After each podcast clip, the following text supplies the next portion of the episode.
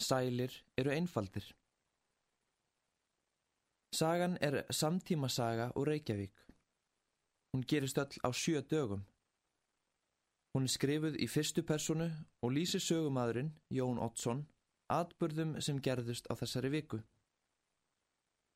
Nánustu vinir Jóns Ottssonar er læknirinn Grímur Elliðagrímur og kona hans Vigdís. Grímur er gáfaður maður og mikilsmetinn læknir, enda önnum kafinn. Kona hans er mesta ágætiskona og unnast þau mjög heitt. Nú verður margt í senn. Engu staðar í fjerska hefst eldgós, eldsúla stígur til lofts og Reykjavík er hulin myrkum mekki. Mun þetta vera eins konar dramatist tákn, eins óhugnarlega söguþráður. Skólabróður þeirra Jóns og Gríms, Pál Einarsson, kemur til Reykjavíkur. Hann mun hafa verið ástfangin af Vigdísi og leggur sig nú allan fram um að eiðilegja hjónaband þeirra. Influensu faraldur herjar í bænum. Fer sóttinn mjög geist, fjöldi mann steir og allur þorri bæjarbúa er þungt haldinn. Grímur elliðagrímur stundar sjúklinga sína af hinni mestu kostgefni og ansér kvorki svefns nýja matar. Á meðan vinnur Páll Einarsson markvist að eigðileggingastarfi sínu. Húnum tekst að sá fræjum tortrygni og grunnsemda í hug Gríms varðandi ást og treyð vigdísar. Og svo fyrir að lokum að Grímur þólir ekki meira, hann verður vitskertur. Eins og í mörgum öðrum verkum Gunnars er kjarni þessara sögu ekki fólkin í atbyrðarásinni, heldur í þeim lífsskoðunum sem telt er fram. Grímur er formælandi þeirra trúar sem setur allt tröst sitt á ástina. Hann stundar erfitt og vannþaklátt starf með jafnaðar geði. Hann umbir ófullkomleika, vannþróska og vonsku mannana. Hann sættir sig jafnvel við tortímingu sálarinnar við líkamstöðan ef hann getur treyst fullkomlega á ást einnar mannesku eða með hans eigin orðum. Meðan til er þótt ekki sé nema ein manneskja sem maður getur borið fullkomið tröst til. Meðan maður þekkir þótt ekki sé nema eina sál sem lætur evamanns og undandrátt hverfa eins og dögg fyrir sólu. Á meðan höfum við engan rétt til að evast um það að opin leið sé framundan og að þrátt fyrir allt geti verið skinsamlegur tilgangur í tilverunni. Það eitt er í sjálfum sér nægur tilgangur. Meðan svo er get ég horfst í augu við allar skjelvingar, allar evasemdir, allt gjör ræði og tilgangsleysi lífsins á yfirborðinu og reynd eins og hingað til, rólega og æðrilöst, að fá það besta sem ég get út úr þessu lífi sem hefur orðið hlutskipti mitt. Vissulega tjáir Gunnar hér hið sama og þegar hann segir um móður sína í fjallkirkjunni. Tilgangur allra hluta, hún er brennipunktur þess alls. En eins og ekki glataði tilgangi lífsins með móðurmissutnum Eins kvílir nú yfir skáltinu heið þjakandi hugbóð og hræðsla um að hann kunni á einhvern hátt að missa selju og þá er allt líf hans hrunið í rúst. Hann viður kennir að þetta sé veiklindi en við því verður ekki gert.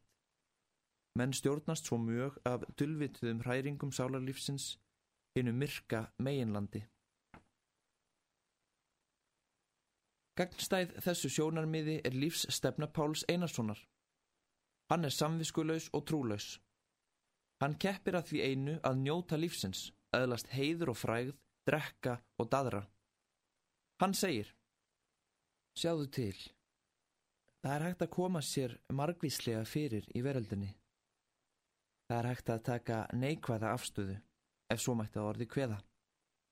Þá er maður örugur og því fylgir sá mikli kostur að maður á aldrei á hættu að verða fyrir vonbreyðum.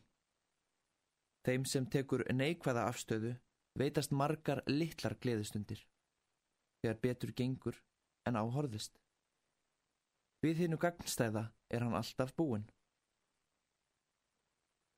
En ekki er þessi afstæða til lífsins miklu haldbetri en hinn fyrrnemda. Því að í rauninni er hún rest á sama grunni, ástinni.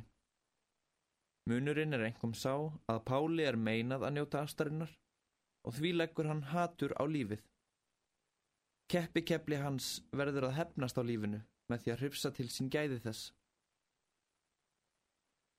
Fulltrúi þriðju stefnunar er andatrúamadurinn Björn Sigursson. Hann er í daglegu sambandi við annan heim og ber þaðan bóð og fréttir. Hann er sæll og sannfærður í sinni trú. Það er ekki laust við að félagarnir öfundi hann af hennu bjargfasta jafnvægi sínu og andlegu gleði en þeir geta ekki farið sömu leiðina. Það samrýmist kvorki skinnsemi þeirra nýð þekkingu. Engin vafi er á að Gunnar hefur velt þessum málum mikið fyrir sér um þær myndir en það sísta undraðum mann sem jafn tíð hugsað varð um tilgang lífsins. Á þessum árum var og vegur sálarannsókna með miklum blóma á Íslandi undir fórestu hins glæsilega gáfumanns sér Haralds Níelssonar. Og enda þótt Gunnar dveldist Erlendis, kynntist hann sér að Haraldi og hreifst mjög af honum. Þeir voru aukðest tengdir. Sér að Haraldur var kventur frængu Gunnars, Bergljótu Sigurdardóttur, en fadir hennar, sér að Sigurdur Gunnarsson, var föðurbróður Gunnars. Sér að Haraldur og Bergljót unnust hugástum en samfarir þeirra örðu skamvar því að frú Bergljótt lest á besta aldri árið 1915. Lætur að líkum að það döðsfall hafi orðið Gunnari þungt og hreift við gömlum og nýjum sárum. En annað hefur sjálfsagt ekki síður haft áhrif á hann. Hinn mikli sálastyrkur sér að Haralds og það tröst sem hann fann í trúsinni. En þrátt fyrir þetta gat Gunnar ekki sannfærst um áreðanleik þessara fræða og þau hafa því verðla áorkað öðru en trubla lítið eitt ringana hans um stundasakir. Hlutverksögunar verðist öðru fremur verið að stefna þessum þrennskona lífskoðunum saman, aðtuga þær og sannreina lífsskildi þeirra. Og Gunnar verðist komast að þeirri nýðustöðu að enginn þeirra dugi. Enginn þeirra geti verið örugt leiðarljós Hvaða hnóða dugar þá í mannheimum? Svar hans er þetta. Ef hróp mannsandans eftir eilífð og fullkomnun er aðeins hégómi og eldingar við vind, ef sá eini guðdómur sem okkur varðar, sá eini guðdómur sem við getum komist í snertingu við, er svo geska og kærleikur sem við getum alið í brjóstum okkar. Ef ekkert ljós er til fyrir okkur, annað en ljósið innra með okkur sjálfum, getur þá ekki öll svo viska sem við þurfum á að halda? Árangur allrar hinnar dyrkjeftur einslu mannkinsins falist í svo einföldum orðum sem þessum. Verið góðir hver við annan. Þessi álíktun jafngildir þó hreitni uppgjöf því að dæmi Gríms elliðagríms síndi oss einmitt ótvírætt að hann gat því aðeins haft andlegt þrek til þess að lifa samkvæmt bóðorði mannkærleikans að hann niti personulegar hamingju og fullnæju sjálfur. Mannkærleikurinn varð útgeislun þess kærleika sem hann sjálfur var umvafinn og þegar hann þraut var ekkert nema myrkur og öðun. Höfundur fann enga leið og hann tekur nú sama ráð og í drengnum. Hann leitar í sjálfum sér. Það verði fjallkirkjan en í þessari bók má sjá fyrirbóða um að í næsta sinn muni betur takast.